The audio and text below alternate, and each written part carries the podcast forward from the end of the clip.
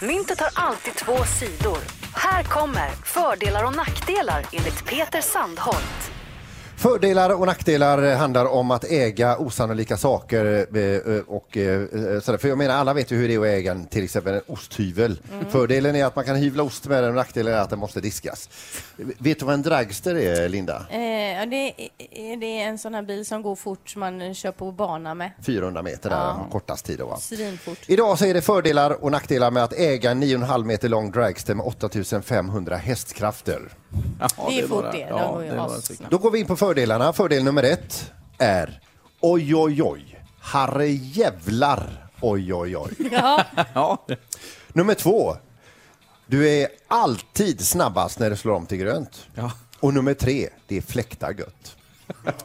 Fördelar och nackdelar med att äga en 9,5 meter lång dragster med 8500 hästkrafter. Till att börja med, nummer ett då. Nackdel. Att, nackdelar här då. Att göra en U-sväng kräver minst ytan av en fotbollsplan. Nummer två.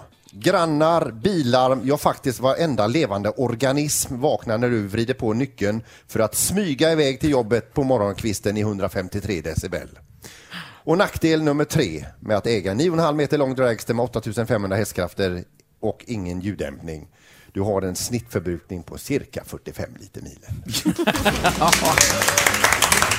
Ja, men det är ju helt sant det du säger. här, Visst, Sandholt. vet du. Du har ju Men om tänkt man in inte visste detta Ja. så har man detta som hjälp, som en liten Ja, lathund. ja, Ifall det, man har funderat på att eh, buda hem en dragster. det roliga är att Peter har förmodligen gjort det också. Så då har han funderat på fördelarna och nackdelarna med att Någon gång investera i titta sån på här. småtimmarna på Blocket. Ett poddtips från Podplay. I fallen jag aldrig glömmer djupdyker Hasse Aro i arbetet bakom några av Sveriges mest uppseendeväckande brottsutredningar. Går vi in med hemlig telefonavlyssning och, och då upplever vi att vi får en total förändring av hans beteende. Vad är det som händer nu? Vem är det som läcker? Och så säger han att jag är kriminell, jag har varit kriminell i hela mitt liv men att mörda ett barn, där går min gräns.